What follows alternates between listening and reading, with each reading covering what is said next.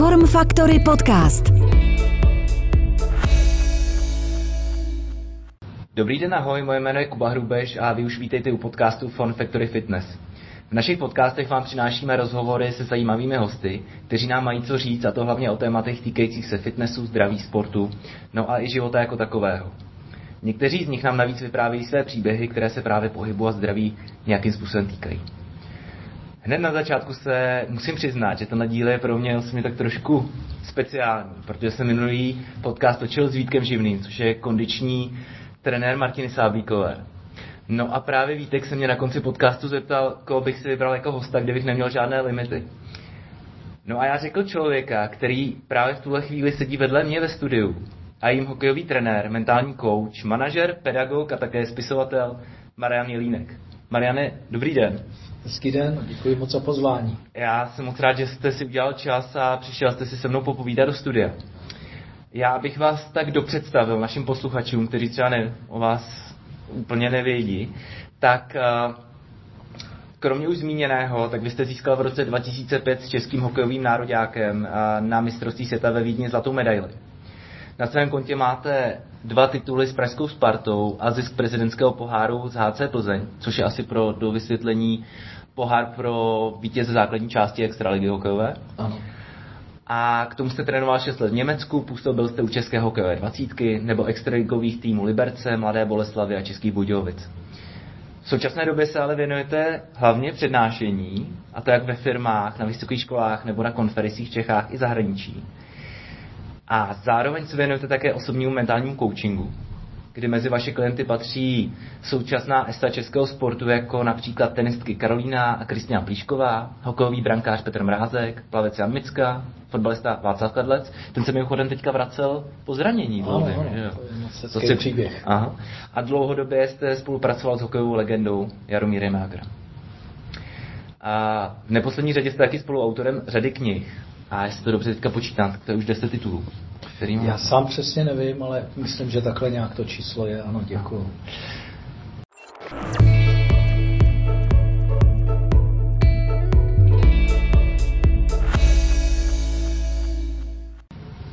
Jako všichni hosté, taky vy dostanete stejnou otázku na začátek. A to je, co pro vás znamená být fit? Mhm. Já se přiznám, že je to, to možná to nejdůležitější, ale fit nevnímám jenom fyzicky, fit vnímám i psychicky, to znamená komplexně, takový to starořecký kalokagatias, rozum, tělo i duše, Mhm. když jsou všechny tyhle ty tři komponenty fit, tak to je pro mě být fit. Mhm. A eh, je to jeden ze smyslů života. Já si myslím, že často to trošičku podceňujeme, přehlížíme, staráme se o ty eh, domy, kde bydlíme a o auta, ale o ten domov paradoxně nejbližší, což je naše tělo, mysl a duše, eh, o tu často eh, jsme k ní trošku macežský, nepečujeme tak, jak bychom měli, takže z tohohle hlediska fit pro mě znamená právě se starat o ten domov nejbližší. Já jsem studoval pedagogickou fakultu, já jsem koukal, že vy máte vystudované FTVS. Ano. FTVS. Já jsem měl uh, dvojobor vlastně těle- tělesná výchova a sport a základ společenských věd. Já jsem i koukal, že vy máte třeba hodně přesah do filozofie taky, když jsem četl třeba některé vaše knížky. A myslíte, že je to pro, i pro běžný lidi třeba propojitelný ta filozofie nějaký Těžko říct definice běžných lidí, ale Pardon, já se vždycky omlouvám, tohle vždycky řešíme běžní lidé. Ten jsme řešili ale, eh, je to pro mě to byl takový nějaký jasný jasný průsečík, protože když si vezmete prapůvod olympijských her, tak eh, ty nebyly jenom nějaký fyzický výkon, ale tam byly eh, přednášení, malování, nějaký etidy z různých scény, z různých her a podobně. To znamená, ten, ten vítěz musel eh, být komplexní a mě baví ta, ten holistický přístup, ten celkový přístup, proto možná ten přesah a za to vděčím rodičům, protože můj otec mě vedl vždycky ke vzdělání a dokonce si myslím, nevím, už se ho nezeptám, myslím, že těžce nes, že jsem šel na fakultu tělesné výchovy a nešel na medicínu, protože já jsem z lékařské rodiny, můj brácha šel taky na medicínu a já jsem taková trošku černá ovce, jsem se eh, vymanil jiným směrem a do toho jsem teda vrcholově sport nějaký a No a takže e, ve mně ale dřímalo e, takové ty otázky ohledně, ohledně různých jiných oborů, takže já jsem hrozně čet a do dneška kniha je něco, bez čeho si život nedovedu představit.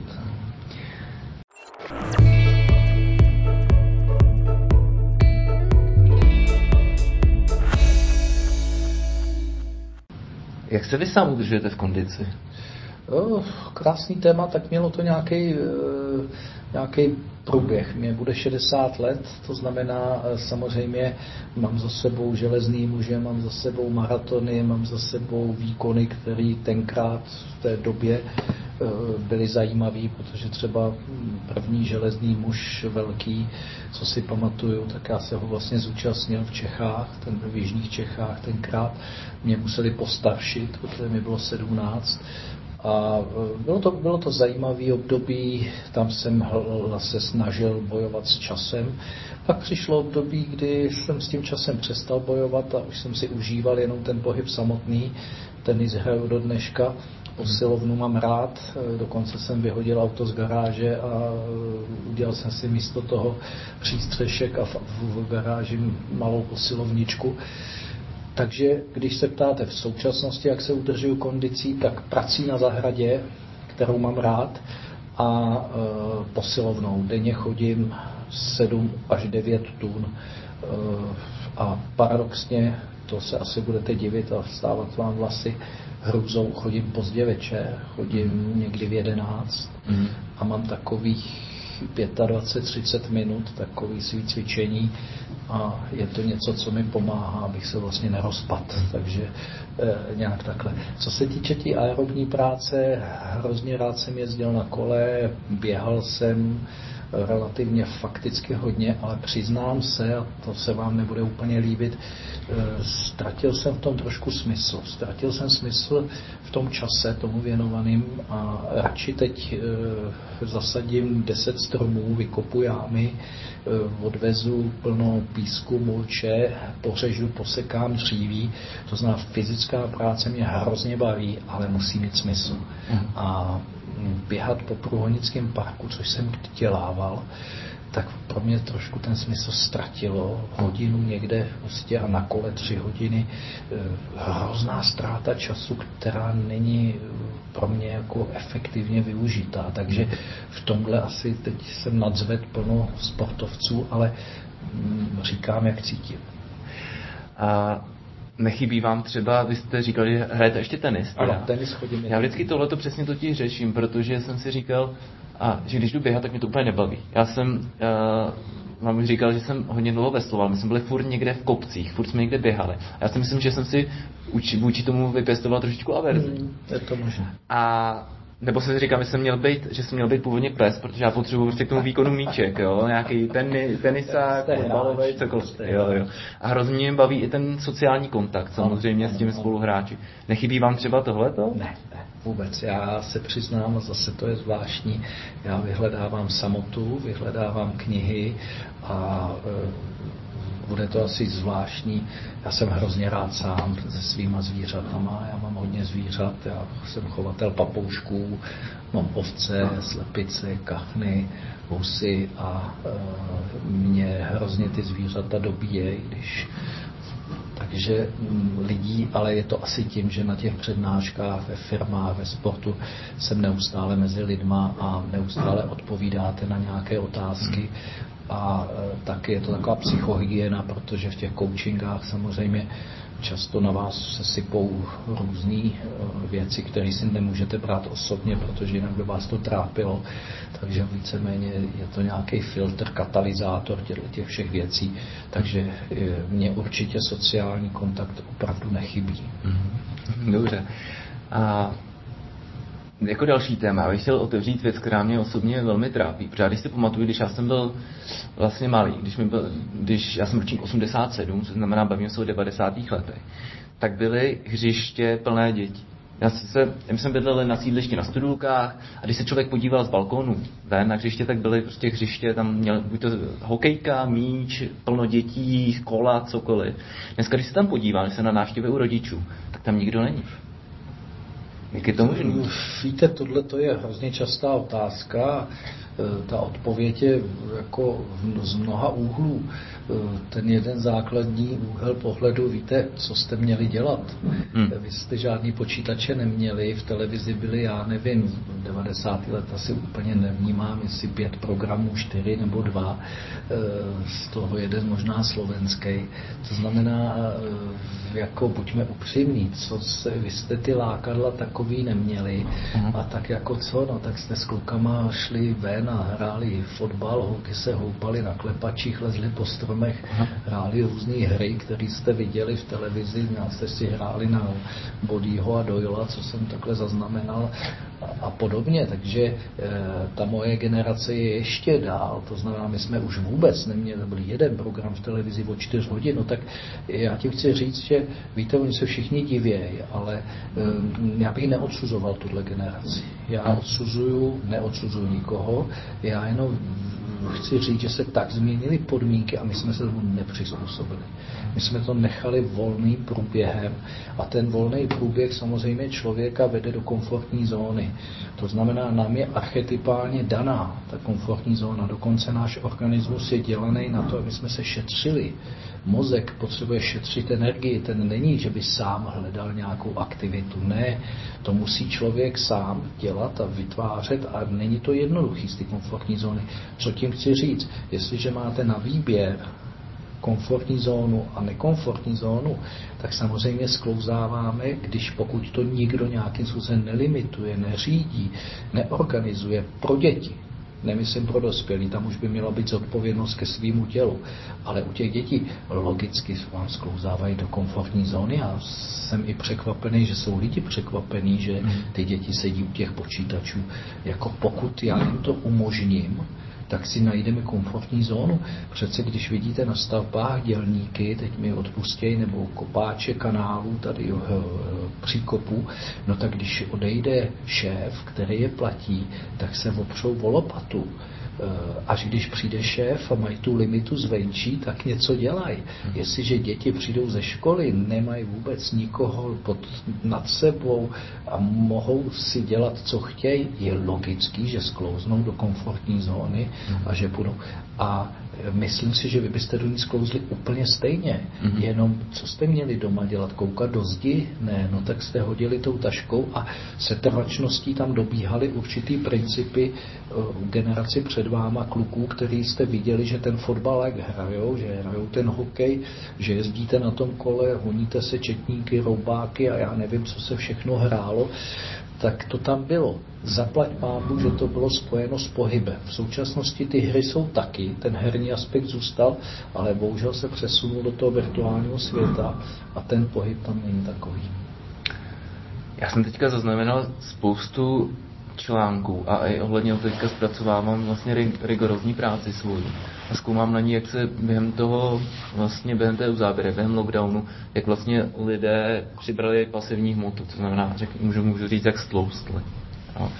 A našel jsem spoustu článků, kde, kde je dokázáno, že spoustu českých dětí nabralo v průměru víc než 5 kg co s tím teďka, když teda je takovýhle lákadel? Je to opravdu přes ty rodiče, že musíme apelovat na ty rodiče, vzdělávat je, nebo? Tak já si myslím, že ty podmínky máme v rukou společnost, rodiče, škola, trenéři, eh, ale záleží o jak starých dětech se mluvíme, tak jestliže hmm. bavíme se o dětech do pěti, sedmi let, tak jako buďme upřímní, to je zodpovědnost převážně eh, rodičů. Samozřejmě, že je tam nějaká spoluzodpovědnost učitelek ve školkách, a společnosti kolem, co vidíme a tak dále. Hmm. Ale pokud to jako nemáme a nechceme mít pod kontrolou a je nám to jedno, že naše děti prostě jsou peciválové, odpuste mi s tím stát jako dětském věku moc z toho neudělá.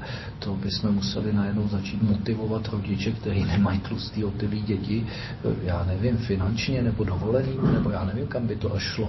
Na druhé straně myslím, že ve Skandinávii zrovna došli už k tomu, že možná budou vracet části zdravotního pojištění lidem, kteří ho vlastně nevyužívají a nemají nadváhu, jo? což je motivační aspekt, který může plno lidem vlastně uh, tu limitu dát z důvodu finančního, ale vy sám dobře víte, že tou nej, nejkrásnější svobodou je to, že si svobodně ten limit určím sám, hmm. ale tohle málo lidí umí a to je e, ta zodpovědnost k tomu svýmu tělu.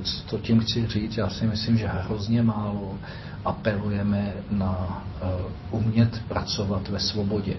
A jestliže je svoboda jídla, tak já musím učit uh, současnou generaci i tu naší samozřejmě, ale o to víc současnou, aktivně si vybírat to správný. Ale ono je to ve všem, ono je to v médiích, aktivně si vybírat správní informace, kritické myšlení a ne jen tak svobodně se pohybovat od nevidím po nevidím a myslet si, že svoboda je bezbřehá záležitost. A to je ta chyba. Tam to začíná, podle mého. To znamená umět si ty limity dávat. A jestliže těm dětem umíme od dětství ty limity dávat, protože limity paradoxně u dětí jsou přece bezpečí. Dítě, malinký dítě, který se batolí, má ohrádku a nemají, protože je zavřený v kleci. Ne, ono je v té ohrádce v bezpečí, ono nepolije horkou vodou, ono nespadne na ostrý předmět a tak dále. Až se naučí dobře chodit, postupně se ty limity rozšiřují. Až se naučí úspěšně pracovat, já nevím, s jídlem, co znamená, proč by malý dítě mělo mít cukry. A to už je otázka, kterou rodiče by se měli edukovat. Hmm. To znamená, eh, myslíte si, že je nutný, aby dítě mělo do třetí, do tří let třeba se vůbec někdy bílej cukr? Já si myslím, že to nutný není. A pokud to ty rodiče hlídají, a znám jich plno, tak samozřejmě ty děti ho opravdu zažijou ten bílej cukr někdy ve čtyřech, v pěti hmm. letech. Celý život to neudržíte. To pak zase převezmou třeba sami z odpovědnosti děti v 15, 17, 18 a, a, a začnou aktivně vybírat. Ale ten začátek je přece v tom raném dětství. A to máte s mobilama, to máte s digitalizací, to máte se vztahama, to máte ze všem. Ale jestliže neučíme žít člověka ve svobodě, tak to takhle dopadá. My ho, my ho vlastně neučíme. A ono to vypadá divně učit žít ve svobodě. Víte, ale když neučíme žít člověka ve svobodě z hlediska jídla, no tak nám přibývá otylých, obezity, diabetes a zatěžuje to VZP. Buďme upřímní. Mhm. Jenže musím tady si trošičku rýpnout, víte, ono to plno firmám a určitým biznisům vyhovuje. To jsem, to jsem si vás teďka chtěl zeptat. Protože pro většinu lidí, kteří třeba nemají plně vzdělání z hlediska nutrice, právě ty jídla, pití a tak dále, tak já jsem viděl reklamu, teď nebudu jmenovat, ale byl to prostě tyčinka plná cukru. Já jsem se pak koukal, v té tyčince bylo 25 gramů cukru a byla tam propagována jako zdravá teďka jak člověk, že jo, kriticky, jste říkal kritický myšlení, jak se na tím má zamyslet, že nedostáváte informace a navíc jsou vedený v médiích vlastně ty potraviny jako zdraví ještě. Jo, takže to je hrozně těžký se tom pak vyznat, v tomhle tom guláši. Těžký, ale na druhé straně jako první věc, která je, je přejídání. Mm-hmm. V tom se nemusí člověk nějak nutričně vyznávat. Já zase nejsem zastánce úplně tak rozpitvávat, co všechno mám na talíři. Já si myslím, že máme taky nějaký zdravý selský rozum, měli bychom mít. To znamená, je nějaká velikost porcí, je nějaký počet jídel denně, je nějaký množství třeba jenom a trošičku jako už to a je nějaký čas, kdy to asi mohu jíst. Hmm. Samozřejmě pokud budete do detailů a chcete být vrcholový sportovec anebo vytesaný nějaký prostě se sedmi nebo ještě méně procenty tuku, tak pak je nutný si hlídat hmm. I tyhle ty úplní složky detailní. Já se jenom vrátím k tomu, co jste říkal na začátku. Vy cvičíte teda od 11 hodin večer.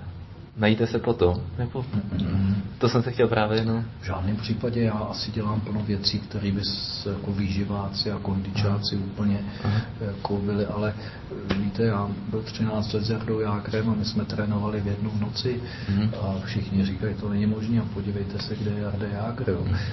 To znamená, víte, já určitý paradigma, který jsem tam někdo poví, já už jich tolik zažil za svůj život, já zažil prostě stejky krvavý před zápasem, abyste mě měli v sobě prostě dravost a bojovnost. Pak jsem zažil dobu eh, špaget, že jo, a, jo, a teď je zase doba jiná, takže já už nejsem tak úplně, jako že bych na něco extrémně hned skočil, ono něco vytáhnout z biochemie a z, z našeho nějakého vnitřního režimu metabolismu a teď se o to extrémně opřít a přijít, jako že to je nějaká novinka jo, a do toho teda, eh, jestli teda víc zeleniny a víc toho. Já si myslím, že je to v harmonii té stravy a v harmonii toho života obecně, takže eh, nedávám, nedávám ničemu nějaký extrémní důraz. Já jsem zastánce toho, co řekl Paracelsus, jed není volátce, ale o množství. A vy jste zmínil a Jaromíra Jágra. Vy jste s ním spolupracoval 13 let. Že nechal byste nás nahlídnout do, do kuchyně toho, co jste spolu, jak jste spolu spolupracovali třeba, nebo co jste spolu dělali, jste mu dělali třeba kondiční přípravu, nebo mentální, nebo... To je, to je na knihu, tohle to, co, která asi zatím určitě nevyjde. Samozřejmě jsme spolu zažili plno... Má to nějaký důvod, že nevíde, jestli to není tajné? Zatím nevíde. Zatím nevíde. Jo, jestli vyjde jednou, třeba uvidíme, jsme nějak tak předběžně o tom kdysi dávno mluvili, že někdy na to bude třeba čas, ale nevím, jestli k tomu dojde.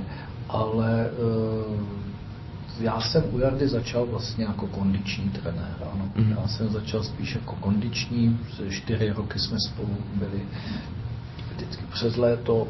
Já jsem na zimu jel do svého angažmá do Německa, Jarda odlítal do NHL. Na konci sezóny v Německu končila sezóna dřív, tak já jsem se přesouval do Ameriky, tak jsem s ním do zbytek sezóny. No a potom uh, po těch čtyřech letech jsme se domluvili na celoroční spolupráci a z toho bylo další devět let. Takže byste byl pak s ním, když jste se dohodli na celoroční spolupráci, tak byste s ním pak byl v Americe? Víceméně jsem byl s ním v Americe, lítal jsem, pendloval jsem, protože pak jsme založili Jágr tým, já jsem ho řediteloval, založili jsme hokejovou školu, kterou jsem vedl, Jágra, exibice a soustředění hráčů NHL, kde jsem vlastně eh, je připravoval i kondičně, i na ledě mm. a, a vlastně potom jsem se, se jako spíš převtělil a bavilo mě víc pracovat s tím subjektivním světem těch jedinců, protože jsem hledal furt ten náskok a tu nadstavbu a pochopil jsem, že pokud tam to není, tak mi fyzické tělo bohužel v tom výkonu moc nepomůže. Já teďka čtu životopis Rafaela Nadala, jmenuje se to Rafa, nevím, jestli jste měl možnost si to přečíst. A on celou vlastně tu, eh, celá ta knížka, nebo celou tu knihu jeho, prolíná jeho zápas s Federerem, druhý finále za sebou na Wimbledonu, teď, si, teď nedám dohromady, jaký to byl rok. A on tam přesně o tom vypráví, že ten výkon toho sportovce, že když se dostane na ty své limity, že už nerozhoduje vlastně ta fyzická stránka, ani řekněme ta technická, samozřejmě ta nám může dát, nebo taktická, ta nám může dát nějakou výhodu. Ale že je to o té hlavě. No. A měl Jaromír Jágr, nebo můžeme to stáhnout i na naše špičkový sportovce ostatní, tak jsou doopravdy tak jako mentálně silný, nebo mají nějakou třeba výhodu fyzickou proti ostatním?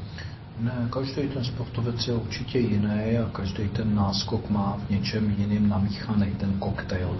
Samozřejmě, že to musí být v určitý dokonalosti techniky, taktiky boje podle toho, jaký je to sport a v určitým jako parametrech toho fyzického těla, který musí být úžasně připravený. A, a ta, ale přesto, když ho máte připravený podle všech fyziologických zátěžových parametrů a všeho ostatního, tak samozřejmě si uvědomíme, co, co s tím fyzickým světem naším dělá strach, co s tím dělají obavy, když se nám klepe ruka a to může být kluk, který zvedá 150 v benči, ale prostě se mu najednou klepe ruka, e, bojí se vystřelit, bojí se rozhodnout na ledě, bojí se udělat něco, takže ten fyzický parametr mi je opravdu k ničemu v tom okamžiku, ten potenciál, to je spící věc. A teď je to nejhorší, co se dělávalo před těma deseti lety a bohužel se to ještě do dneška dělá, že když ten hráč tímto způsobem selže, tak mi často řekne, musíš víc trénovat takže ten kluk ještě víc tře, je ještě rychlejší, ještě silnější, musíš dobrou stravu a teď dohledají v těchto věcech, ale odpuste mi, přece logika věci je, že pokud já nemám nastavený ten subjektivní svět, nemám ho nastavený tou formou toho vítěze, tak mi tyhle věci tomu nepomůžou. Naopak, jsem přesvědčený, že tím nastavením toho subjektivního světa můžete plno věcí suplovat z hlediska toho fyzického těla. Mm-hmm. Ale z hlediska toho fyzično nevysuplujete nic z hlediska mm-hmm. psychično.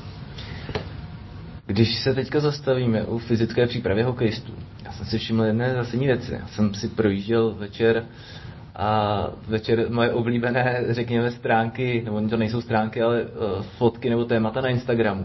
A vyjela mi tam fotka a Erika Lindrose a Roda Brenda Mura, což jsou že, hvězdy světového hokeje, řekněme, 90. leta přelom tisíciletí, jestli to říkám správně. A porovnání jejich třeba se současnými hvězdami, ať už třeba Conorem McDavidem, a nebo třeba pokud bychom měli u nás srovnávat, tak Jirku Schleiger a Jakuba Voráčka současně. Mně přijde, že se to hrozně změnilo, ta postava těch hokejistů. Je to tak, nebo, nebo to byly opravdu tam vybraný jako takový ty highlighty? Tak vy jste vybral opravdu, Lindros je že ohromný chlap, uh, Rony uh, Brenda já měl to štěstí, se známe z Karoliny, teď trénuje, že o Karolinu a uh, to je do dneška prostě kluk, který trénuje víc než hráči. Jo. To, je, to si z toho hráči dělají legraci, protože oni jdou z ledu a on tam dělá chyby a kliky a s činkou a vždycky se totálně sedře jeho, jeho, jeho zájem, myslím, že až závislý na nějaký hodinový práci, která musí to tělo, tu tělo tomu. Na vyplavování adrenalinu třeba? Možná, ano a tak jste vybral zrovna dva takové typy. Bejky. Já bych vám mohl zase z té doby 90. let říct zase jiný hráče, který zase vypadali jak zahradník a ne jak hokejista. Okay. Ale e, souhlasím s váma, že se něco stalo a stalo se to, co je klasicky díky tomu vývoji a díky vám, jako tím, co se o to zajímáte, tak samozřejmě ten posun nastal v tom, že i ten hokej prošel tím, že e, samozřejmě ta síla srážky, že jo, souboje, tak prostě potřebujeme na to nějaký to vnější svalstvo, aby bylo vidět, takže se cvičilo tak e, kulturisticky špatně, samozřejmě teď už to víme, nebo teď už se tak necvičí. A tím pádem to přešlo v ty posilování víc e, toho postulárního svalstva, hlubokého napánevního, posilování věcí, které e, stačí vlastní tělo a tak dále. A šlo to do té do atletické přípravy daleko, daleko víc. Takže ano, ten posun tam eh, vidět je, eh, jestli je prototypem Kuba, Kuba Voráček, úplně nevím. Já jsem ho popravdě, já, se, já jsem, toho jsem tam neviděl, ale viděl jsem ho ve studiu, si pamatuju mistrovství světa a každý, jakmile je olympiáda nebo mistrovství světa nebo je extra Česká, já jsem Spartan, to tady řeknu, fakt si teďka nikdo nevypne, ale jakmile hraje Sparta, tak já na to koukám, jak mám aspoň trošku času, hokej, fotbal, všechno. A právě si pamatuju Kubu Voráčka, jsem viděl ve studiu a teď já jsem na to koukal, že on měl to eh, šedivý tričko s tím českým lvem na hrudníku a teď já na něj koukám, říkám, Ježíš Maria, ten je hrozně hubený. Hmm. A úplně mě to překvapilo, že to, já nevím. Já... Ale Kubu já znám od 15 let a musím říct, že to byl samá ruka, samá a dokonce měl problémy trošku e, s hrudní skifózou a e, opravdu se zase vybral takovýho hráče, který úplně, a Jirka Schläger zase byl v tom na té nagánské éře trošku výjimečný s tím objemem. Já jsem slyšel, že zvednul 160 kg na bench press. No. Já myslím, že víc. Jo. jo, to bylo v 16 letech. V 16 letech asi 150 nebo 160 kg na bench press. To zvedal podle mě na 170. Okay. Vraťme se zpátky k té mentální přípravě, k mentálnímu coachingu. A co to vlastně je mentální coaching, kdybyste to měl popsat? Protože mně přijde, že v České republice to pořád ještě není úplně tak rozšířené mm. téma, že spousta lidí si pod tím představuje něco pořád špatného, že když si člověk zlomí ruku, tak jde okamžitě na pohotovost. Ale jakmile má problémy s hlavou, tak je to furt takový mi přijde jako téma, který je třaskavý, řekněme. No, Vnímáte to tak? Souhlas, že je to takový to, co je trošku jako braný jako slabost, že, že, že má psychikou, on je blázen, nebo co, proč by chodil s psychikou. E, ono je problém to, že ten obor není podle mě dobře specifikován. Jo mentální coaching, když si to sousloví zvemete, tak ono je to mentál, myšlení, coaching, vedení, vedení myšlenek. Pravdou je, že nám nejvíc ubližují ve výkonu myšlenky takzvaně nechtěné. To znamená, vy se nechcete bát, ale chodí vám do hlavy myšlenky stresu, obav, že to zkazím, zodpovědno, ale já je nechci. To jsou ty třepající se ruce zrovna? Ano, ano, to znamená, hmm. to má potom vliv na naše chování. Že? To znamená, tyto myšlenky nechtěné, z tohoto hlediska ano, já je mentální coaching, vedení myšlenek. Já bych je měl naučit se vést, co s nima dělat. Jenže já vlastně, ani když se mi ptají lidé, co jsem, tak já to slovo mentální kouč moc nemám rád. Na druhé straně já vlastně nevím, co jsem, protože já pracuji s celým subjektivním světem a nejenom s myšlenkama. Vy pracujete s biochemií, emoce. Emoce jsou eh, chemie v našem mozku. To znamená, eh, já jsem tak proto hovořím vždycky o tom, že se subjektivním světem jedince, protože náš svět se skládá ze dvou realit, to je ta objektivní, na nás padají různé impulzy a tak dále, a pak je ta subjektivní, a to je to, co se udává v nás. A do toho vám žádný hacker nemůže. Tam to je ta absolutní svoboda a v té absolutní svobodě já bych se měl umět pohybovat. Abych se mě uměl pohybovat, musím ji poznat. To znamená sebepoznání. Proto už v Řecku bylo poznej sám sebe, poznáš všechno mimo sebe. A tam jedna z těch aspektů toho sebepoznání je mentální coaching, neboli pracování s myšlenkama nechtěnýma. Mm.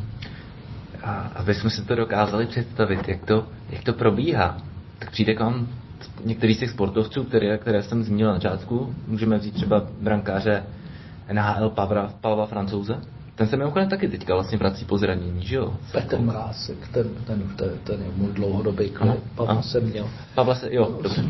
Jako trenér hokejový. Tak dobře, tak vezměme, vezměme Petra Mrázka. No, já bych uh, trošku, teda když to chcete osvětlit, a je škoda, že nemáme víc prostoru, to by bylo jenom na, na ten rozhovor, protože hmm. já, bych, já jsem rád, že lidé se o to zajímají, to je oni opravdu ne. Ten mentální coaching probíhá ve dvou základních liních.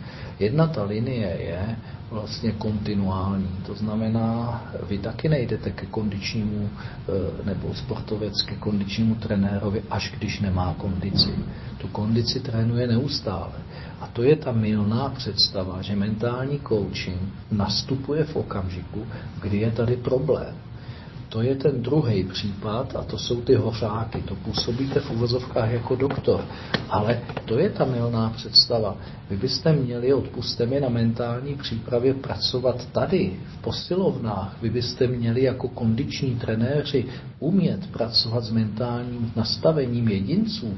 Prosím vás pěkně, přece i z vašeho pohledu, a mě to mrzí, že se o tom nemluví, přece jestliže e, bude někdo, budou dva kluci cvičit, a jeden bude mít subjektivní svět plný stresů, obav, myšlenek na přítelkyni, na to a druhý bude touha, vášeň, nadšení, koncentrovaný, fokusovaný, tak vy přece víte, že ten vryb v tom klukovi, který je mentálně subjektivním světem přítomen a připravený, je úplně jiný než ten vryb toho, to, je, to jsou rozdíly velikých desítek procent. Dvě děti chodí na angličtinu, jedno dítě tam chodí z důvodu toho, že dostane mobil k Ježíšku, že tam chodí kamarádka a já nevím z jakých sekundárních důvodů. A to první dítě tam chodí z toho důvodu, že prostě touha, vášeň, chci jako taťka studovat Cambridge, no a mají stejný impulzy. A kdo se naučí víc? To znamená, my furt řešíme ty impulzy, ty semínka, ale my neřešíme, kam to semínko zapadne. A to mě jako fascinuje, že my chceme zefektivnovat tréninkové procesy a utrácíme plno peněz za nový tady různý stroje, přístroje, pomůcky. Ale přece to zefektivnění, co vidím, vy jste jmenoval Nadal, já mám to štěstí, že ho vidím na tréninku, to, to je daný nastavením toho člověka člověka. Že ho vidíte na tréninku, pardon, že vám do toho skáču? Já se, když se s Kájou jsem v Madridu, tak tam aha. vidíte Djokoviče, Nadala Federera v posilovnách aha, aha. a rád se chodím na ně dívat na kurty, mhm. takže mě to hrozně zajímá, protože oni mají 40-minutový trénink, ale v takovém tunelu a v nastavení, že pak tam je někdo dvě hodiny, ale ten 40-minutový mu dá daleko víc. Mm. Jo, učíte se slovíčka to samý, umíte se fokusovat, nastavit, tak se naučíte za 10-15 minut. Neumím se nastavit fokus a můžu se učit hodinu a stejně se je nenaučím. Ale tohle je v pohybu a ve vrypu to samý. A tohle mi připadá, že jako vůbec se extrémně podceňuje že to nastavení do procesu, a to je třeba určitý rituály, který dělám s těma sportovcema, protože on, on je fascinuje, že vlastně, no jo, teď já se můžu zefektivnit. To znamená, když dva dělají to tež, nedělají to tež. A jestli chcete, jak to přirovnávám jako dětem nebo mladším sportovcům, já říkám děti, oni to nejsou děti 16, 17 letý, eh, ty talentovaný, který teď páry mám, Slováky a, a český, slovenského hokejistu a českého naše nejlepší, tak když eh, dejme tomu, že ty tréninkové impulzy, jak říkám kluci, to jsou jako semínka krásné květiny. Ale kurňa, když to semínko zapadne do pouště, co vyroste? Nic. Když to semínko zapadne do úrodné půdy, co vyroste? Krásná květina. Vidíš to? Tvůj subjektivní svět je buď poušť nebo úrodná půda a ty vnější impulzy jsou pouhý semínka. Takže ty semínka nech na trenérech, ty nech na těch, ale ty se uč dělat úrodnou půdu. A to je ten kontinuální mentální coaching. A pak je druhý bod, a to je to, že opravdu přijde a volají vám už 25 letý, 28, 30 letý, který mají problém. A ten problém je, že z 90% se u nich objevují nechtěné myšlenky, které souvisí se strachem, s obavama, s anxiozitama, úzkostma a tak dále. Dále. A mohl byste, já nevím, možná je to těžká otázka, nebo na ní není odpověď, ale kdybyste třeba mohl vybrat nějaký sportovce, na který by se dalo podívat, který jsou opravdu, ale opravdu psychicky odolní. Vybral byste někoho takového? Já myslím, že jich bude spousta, ale třeba někdo pro vás, kdo je takový jako Psychická odolnost je samozřejmě taková rezilience, je věc, která se dá trénovat a mhm. plno, plno sportovců je opravdu velmi, velmi odolných. Ta odolnost se trénuje tím stresem dávkovaně. Jo? Jako mm. se otužujete, tak to trénujete tím, že vlastně se tomu ty zimě dávkovaně eh, jak si vystavují, ať už v podobě studený sprchy nebo eh, se jdete nějakým způsobem vykoupat do řeky eh, v zimě. Otužujete se?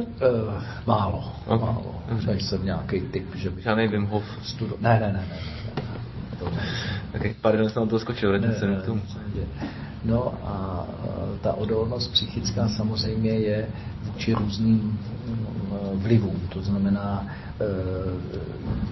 můžeme ji brát jako komplexní a pokud vezmeme komplexní psychickou odolnost, tak e, ta je, no, ta je u těch vrcholových sportovců samozřejmě na vyšší úrovni oproti e, jiným, ale na druhé straně tady je krásný, ona se eh, velmi dynamicky mění. Eh, když chcete změnit něco na fyzickém těle, tak potřebujete 5-6 týdnů, že jo, abyste eh, něco bylo vidět, nějaký ubytek váhy, nebo hypertrofii svalovou, nebo nějaký přírůstek v benči nebo v nějaký cviku. Ale když potřebujete změnit tu psychiku, tak tam stačí třeba dvě, tři vteřiny. Jo. To je špatně podaná informace, to je jeden zkažený míček v pingpongu nebo v tenise. To je jeden obdržený gól pět minut do konce a ten vnější věm, vstřelený gol, udělá v tom subjektivním světě právě u každého něco jiného. U někoho začne okamžitě působit jako jed, a vznikají strachy, obavy u někoho jako jed v podobě ztráty motivace, u někoho jako to už nemá cenu, že? u někoho jako jed koncentrace, ježiš, to už je, a už je pomalu v autobuse, jo, a tak dále. To znamená, tady je hrozně těžký a daleko individuálnější než z hlediska třeba toho fyzičná. I to je individuální, to vy víte, ale tady je to ještě daleko víc citlivější, protože ta půda, o které se my bavíme, ta podléhá taky určitým osobním životům. Zemřeli mu někdo blízký zrovna, rozešel se s přítelkyní a ta odolnost samozřejmě v těchto chvílích je narušena a trpí více těma psychoentropickýma myšlenkama, ten subjektivní svět. Takže um, je tohle to je velmi těžké. Vy jste se ptal na sportovce, abych neutekl otázce. Já si myslím, že uh, jednoznačně, co se týče sportovní odolnosti, tak je ten Jarda Jágr. Myslím si, že to, co zažil on, to jsem i já obdivoval, teda situace, v kterých on dokázal uh, ze sebe podat úžasný výkon, jako kdyby se vlastně v jeho subjektivním světě nebo v jeho osobním životě nic nestalo a kdyby lidé věděli, co třeba v ten den eh, se u Jardy událo a jak ho to eh, vlastně z hlediska sportovního výkonu absolutně se nedotklo. To, je, to, to jsou věci, které jsou pro mě eh, famózní. Dají se nějak měřit výsledky, jakkoliv těch, řekněme, vašich klientů? Jak, jak poznáte, že jste, jak poznáte, že, že ta vaše práce jde tím správným směrem? Mm, tak velice těžko. To je, ne, psychologické aspekty samozřejmě testujete. Máte testovací baterie, ale určitě to není tak jednoznačný, jako když někdo zvedne kus železa nebo skočí do dálky a zvěříte cel. Máte v tom, o tom se nediskutuje, uděláš víc chybů, víc chybů, o tom se moc nedá diskutovat. Ale jestli je někdo víc eh, odolný a méně odolný, to poznáte podle chování toho člověka. To znamená, myslím si, že lze, když máte určité zkušenosti, poznat, že ten hráč se v určitých situacích zachová jinak, to znamená, už ty jeho reakce nejsou takový, jaký byly na začátku, když jste s ním začal tu danou věc řešit eh, a z toho důvodu vlastně podle chování vlastně můžete detekovat, jestli se vám ta situace daří nebo nedaří. A samozřejmě pocity toho jedince, že on sám eh, jako vám volá nebo komunikujete na těch coachingách o tom, hele, zase mě atakovali ty myšlenky, ale tentokrát mám radost, krásně jsem si s nima poradil a tak dále a tak dále. Dalo by se tedy parafrázovat to, co jste říkal úplně na začátku tohle tématu, že nejdřív se z těch mladých sportovců snažíte dělat dobré lidi a pak až výkonné sportovce? Eh, já si myslím, že se tohle všechno dá přetavit i eh, do osobních životů a to je to krásné, protože víte, nám přibývá lidí na antidepresivech, nám přibývá bohužel sebevražd, nám přibývá lidí, eh, kteří neusnou bez prášku na, na, na spaní, nám přibývá lidí, kteří si čím dál více sahají po nějakých drogách, psychofarmakách. Že? A to je všechno taková ta kratší cesta toho poradit si s těma myšlenkama nechtěnýma, ale ono to jde i, myslím si, procentuálně, znova opakuju, i vlastně svojí prací. A to je ta práce s těma myšlenkama nechtěnýma, který nás potom takhle zlobějí. A ty myšlenky nechtěný eh, krásně se v tom sportu ukazují a tam se s nima pracuje, ale ty sportovci často říkají, že to funguje i v životě a z toho mám samozřejmě radost.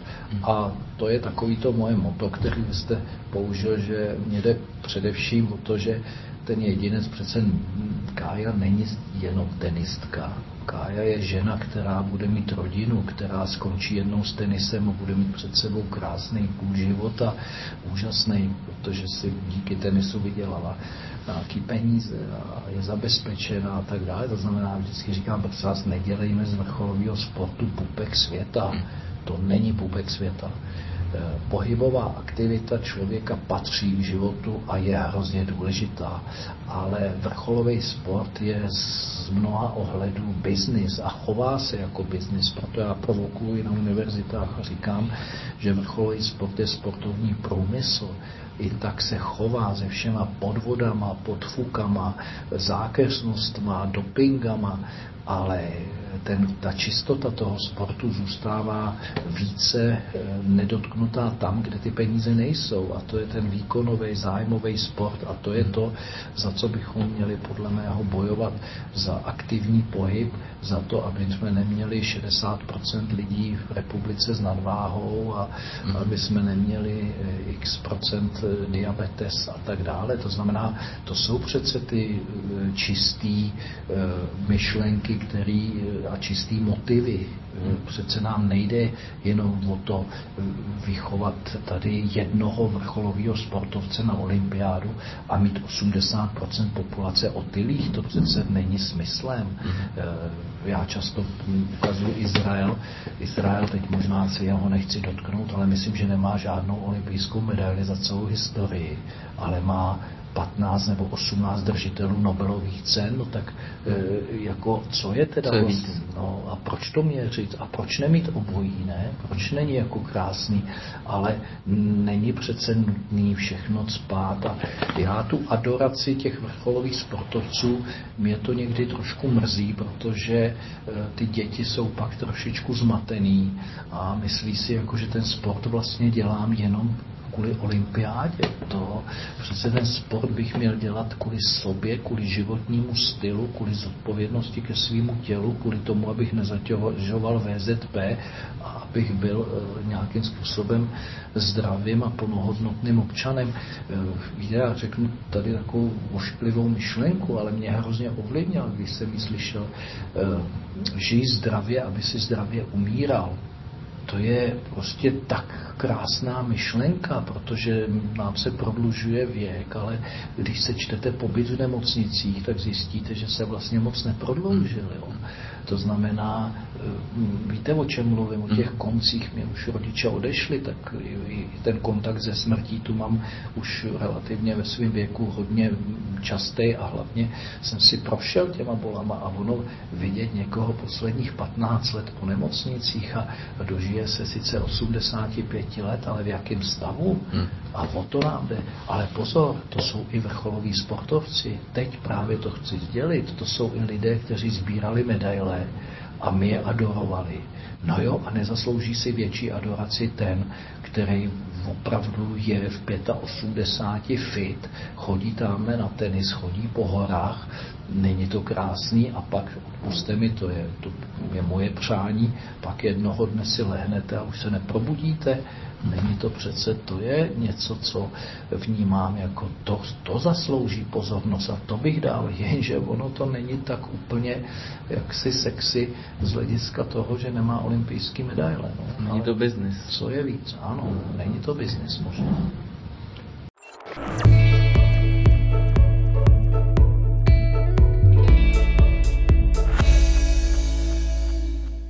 Marina, jaký je váš pracovní týden? pestrý a nestejný. Aha. To znamená, když bychom vzali tento třeba den, tak tady teď jsem před váma měl jeden coaching, teď jsem přijel k vám, eh, jedu odsud na Spartu fotbalovou, kde mám sezení nejdřív s trenérem, s Tomášem Rosickým, potom předmužstvo, kde mám 15-minutový motivací, motivační řeč pak odjíždím k trenérovi na Slávy, ne fotbalový, ale na Slávě máme sraz s trenérem nároďáků házený, juniorky ženy, eh, vezmu výsledky testů, protože jsem holčiny eh, testoval na soustředění v Mariánských lázních minulý víkend, tak mu nezvezu výsledky. V čem jste testovali? Jsem v eh, mentálních schopnostech. Aha. Potom uh, jedu na večeři s panem senátorem, jedním se třema vlastně, od půl sedmí a pak někdy kolem půl devátý doma. budu se připravovat na zítřejší přednášku pro sportovce v Kamenici, předtím mám coaching v Jihlavě, potom přijíždím teda do Kamenice a tak. Takže jako nenudím se, ale baví mě to hodně, hodně cestuju. To jediný mě trošičku eh, jako eh, to cestování úplně nebaví. Na, na druhé straně vyřešíte v autě plno telefonátů, sem tam si pustíte kus nějaký knihy nebo podcastu, mm. takže eh, zase ten čas v tom autě jde taky využít. No. Mm. Vy jste ještě říkal, že hodně cestujete. Zmínil jste, že jste viděl v Madridu trénink Federera a a Nadala třeba? Nejenom Madridu, ve Wimbledu, no, no, všude možně, kde jsem měl to štěstí, že jsem třeba... A kde jste takhle třeba byl? Wimbledon, Madrid, Řím. Víte, to jsou turnaje, kde Stuttgart, kde máte paralelně WTA a ATP. Ono ve všech turnajích nemáte současně, když tam jste s Kájou, tak samozřejmě i, i, i trošku sobecky, pokud můžu, tak si vybírám turnaje, kde eh, je zároveň i ten mužský turnaj, protože Kája si jde odpočívat, nebo a já jsem hrozně rád, chodím na ty kurty znova zpátky a e, najdu si, kde nadal trénuje a pozorujete. Mě hrozně baví se koukat na tyhle fenomény, jak e, trénují, ale i na holčiny, s Renu Williams pozorovat, jo, nebo v té době, kdy teda, teď už e, nevím, ale e, já nevím, e, ty ruský tenistky a tak dále, takže vždycky, ale i toho Kyrgiose, který je, že ten takový trošičku emoční. Ano tak eh, je to, je to krásný a tohle to mě hrozně baví, že vlastně já se pohybuju na mistrovství plavců eh, s šachistou Davidem Navarou, eh, s Kájou, s kostřelcema, s jachtařema jsem byl na soustředění v Polsku, do šatny fotbalových klubů, asi sedmi tady v Čechách, hokejovou šatnu znám za ty leta, že to můžu si dovolit říct. A to portfolio těch sportů, co najednou vnímáte, střelci závodní, to je, to je tak krásná laboratoř a je to tak ucelený. Do toho máte ještě eh, MotoGP kluka, eh, Slováka, že Maťo Homolu, který jezdí do VCR, takže najednou úplně jiný sporty. Hmm. A to je prostě krásný, to mě hrozně baví, ta pestrost. Vycházíte z těch poznatků ve vašich, ve vašich knihách? Uh, ano, ale nechci, aby to bylo jenom podpisný, tam je ta propojenost s tou filozofií, protože ono plno těch věcí už uh, vlastně my nic nového neobjevíme. To, co říkal Platon uh, ve svých spisech, to, co říkal Hegel, který ho rád cituju, Heidegger, Husserl, Patočka, to jsou všechno. Heideggera jsem si vytáhnul na státnicích, to si do dneška pamatuju, jak jsem tam ale propotil. Ten je trošku těžší na čtení, popravdě. Velmi těžké, velmi těžké existencialismus. Velmi těžké, ano, souhlas.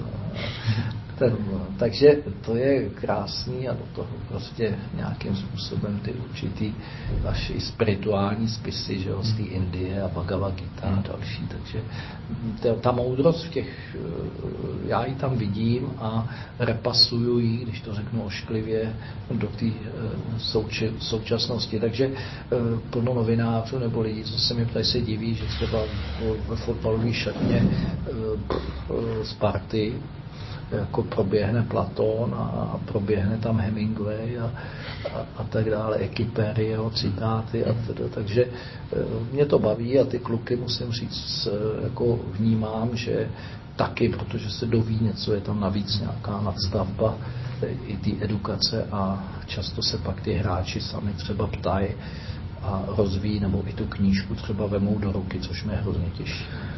A na to jsem se vás teďka chtěl zrovna zeptat. Já jsem si téměř stoprocentně jistý, že to není, že nepíšete z hlediska to, jak jste říkal, kolik toho máte a tak dále, takže ne, nepíšete z hlediska zisku, ale z jakého důvodu teda píšete? Ty knížky. to vůbec. No, to já jsem si říkal, tak... To představit Aha. té knížce. To, já, já si to, já to... to, to vůbec, aby jsme ne, ne, nebalamutili lidi, to, jako, to, to, to vůbec nemáte, máte Aha. 10% z prodejní ceny, Aha. takže... Jako, Jaká je ta vaše motivace teda? No, ta motivace není moje, ta je vždycky někoho jiného a oni mě osloví. Aha. Takže nakladatelství mě jako požádá, jestli bych něco pro ně nenapsal, tak já chvíli jako váhám, nebo si nechám rozmyslet a potom třeba, takže takhle vzniklo plno knih. Aha. Potom uh, i ty spoluautoři vlastně uh, často se ptají, jestli něco spolu nenapíšeme a jak bychom a tak dále, takže dochází, dochází k tomu, že vlastně uh, si to nějakým způsobem i díky těm spoluautorům jsem schopen napsat těch knih vlastně tolik, eh, ale tím bych nechtěl snižovat vůbec jejich přínos, to vůbec ne, to většinou diskuze eh, nás dvou mm. a z toho vzniká ta kniha. Mm. Ale e, musím říct, že e, mě se jednou dotklo hodně, moje ego utrpělo, když plno lidí nebo plno lidí na nějaký besedě se mě někdo zeptal, že ty knížky nepíšu asi já, že vždycky mám spoluautora, že využívají moje jméno, ty spoluautoři a já povídám, ne, to, to máte úplně špatnou představu. A pak mi to jako jsem jel z té besedy a vlastně tenkrát jsem se naštval a řekl jsem, no tak jedno musíš napsat sám, aby si jako konečně těm lidem, no a takhle vznik vnitřní svět vítězů, což je vlastně nejprodávanější moje kniha. A tu jsem teda napsal sám, ale napsal jsem ji strucu sám, jinak bych ji zase psal s někým, komu bych diktoval nebo nadiktoval eh, pásku a on to pak přepíše, já to zase poupravím, on do toho něco vpíše a tak dále. To jsem se vás právě chtěl zeptat, jak dlouho třeba takhle na knize pracujete a jak, jak to skládáte vlastně to rozvrhu, protože byste teďka vyjmenoval vaše následující dva dny. A nepřijde mi tam možnost toho, že byste mohli jako ještě psát? Eh, většinou trvá rok, co a proto když jako se kouknete, tak ono téměř eh, každým rokem mi ta jedna kniha s nějakým výpadkem vlastně, protože první moje knížka vyšla, mám dojem potom mistrovství světa 2004 5 mm-hmm. takže za těch 16 let 10, takže ono to vypadá jako, že téměř eh, každý rok vychází jedna kniha. No, máte času dost, čas je, tak víte, že není, ale jako člověk si to nesmí říkat, protože tak máte večery, no, tak máte v 9 večer třeba čas eh, nebo eh, v noci se dobře píše mě třeba, takže eh, jo, je to, je to prostě tak, že nemůžete v pět hodin skončit s prací a mm. jako mnoho lidí může, tak já ani nechci. Takže mm je to tak, že to táhne, tak prostě děti už máme velký, takže už se nemusím tolik věnovat dětem, mají zase svý děti, takže už spíš vnoučatům a um, jinak jako pracujete, máte víkendy že jo, a, a podobně. Ne? Pracujete teďka na nové knize? Pracuju. Pracuju hmm. na nové knize se spoluautorem a, a e, dokonce na dvou na dvou knihách s dvěma různýma spoluautorama. Dokonce jsem dostal nějakou eh, možnost, nabídku, koketuju eh, s televizí, která chce něco natočit, nějaký pořad na díly, který by se měl touto tématikou a problematikou zaobírat. Takže já cítím takovej trošičku jako větší zájem o, o, o ty subjektivní světy, Eh, myslím si, že to je taky normální přirozený vývoj. Víte, já když byl mladý trenér, tak jsem nesnášel kondiční, který začínali, protože kdo mi tady bude s mým hráčem jako cvičit navíc, teď já prostě s ním tu kondici žárlil jsem, jako všichni jsme žárlili, pak najednou ty kondičáci už se stali nedílnou součástí že, těch týmů, klubů, jedinců, ty hráči nahájel Michael a tak dále, takže eh, samozřejmě pak pak přišli výživáci, zase kdo se mi tady do kabiny hrabe tady, že jim dává nějaký produkty a něco a ty kluci ani neví, co, co v tom je, ale věří nějakému klukovi, šarlatánovi. No a e, tak už jsou taky výživáci, že jo, úžasný a, a pomáhají těm sportovcům. No a poslední přišli na řadu ty mentální kouči, ale tady je velký problém, vy to moc v Čechách nemůžete vystudovat, sportovní psychologie v Čechách se vystudovat nedá. Hmm. A e, druhá věc je velmi těžce specifikovatelná, jak jste to řekl, kvantifikovat a e, jak si zjistit, jestli m, nějakým způsobem je tam relevantní váše stopa nebo není, je hrozně těžký a proto myslím, že na ní došlo až na konec, ale hmm. věřím, že třeba do pěti, osmi let dojde k tomu, že každý extraligový tým bude mít nějakýho člověka, který bude v tom klubu zaměstnán a bude se jaksi tam pro ty eh, až mládež, pro rodiče, až po ten dospělý a, a že děti tam za ním budou moct chodit z důvodu vztahu mezi rodičem a trenérem, vysvědčení ve škole. Bude prostě psychologem, který bude pomáhat eh, mediovat možná určitý vztahy mezi rodičem a trenérama a tak dále, protože eh, ty vztahy trpějí a jsou čím dál jaksi narušenější, protože ten pojem té svobody nám dovoluje přece se vyjadřovat úplně ke všemu a každému trenérovi do toho může každý rodič přece mluvit, protože to je moje dítě a to vnímáte i ve školství. A, pardon. Takže já jsem přesvědčený, že důležitost těchto lidí, ať to nazvěte mentální kouč, ať to nazvěte psycholog, ať to nazvěte nějaký člověk, který se stará o psychohygienu, ehm, myslím si, že důležitost těchto lidí bude růst. Hmm. A vám teďka vyšla nová kniha, poměrně nedávno, mohl byste o něco říct? Co se tam čtenáři dočtu? Eh, z té, z té knihy mám přímě radost, nakonec jako ze všech, ale z téhle obzvlášť, protože mě oslovil eh, nakladatelství Vyšehrad, eh, Albatros. A to je kniha, která měla, mm, jak si byla zařazena do ty knihy těch rozhovorů, kde jsou takové kapacity jako Radkin Honzák, Pavel Kolář, tak mě i stejná eh, vlastně redaktorka, eh, paní Červenková, která dělala rozhovor s Pavlem Kolářem a dělala rozhovor i s Radkinem Honzákem, to jsou lidé, kteří si obou vážím a ty knihy se mi moc líbily, tak mě hrozně potěšilo, že ten Albatros Vyšehrad jednak projevil zájem, abych já nějakou takovouhle knihu, ale nechali na mě výběr toho redaktora, který by to měl se mnou psát a já jsem řekl, no hejte, mě se líbí, jak to hrozně hezky psala paní Červenková. Oni ji oslovili, paní Červenková se se mnou dala kafe a nějak jsme si plácli a takhle vznikla ta kniha Život na úzdě, takže to je kniha, kdy vlastně je kontinuální rozhovor o všech možných problémech. Ve své podstatě, podobně jako si povídáme my tady, tak se odvíjí i ta kniha, která naráží na různé problematiky současné společnosti s takovým trošičku větším důrazem právě na, na, to, na ten pohyb a na to hmm. mentální přípravu. Mariane, náš podcast se pomalu blíží ke svému konci. A všichni hosté mají první a poslední otázku stejnou. A já se vás chci zeptat, já teda, uh, já teda naše posluchače nebo uvedu, že uh, vy jste nechtěl vůbec dopředu přípravu, jako jeden z mála hostů. Že jste nevěděl, o čem se tady budeme de facto povídat, že jsme to jenom tak prolítli těsně před natáčením.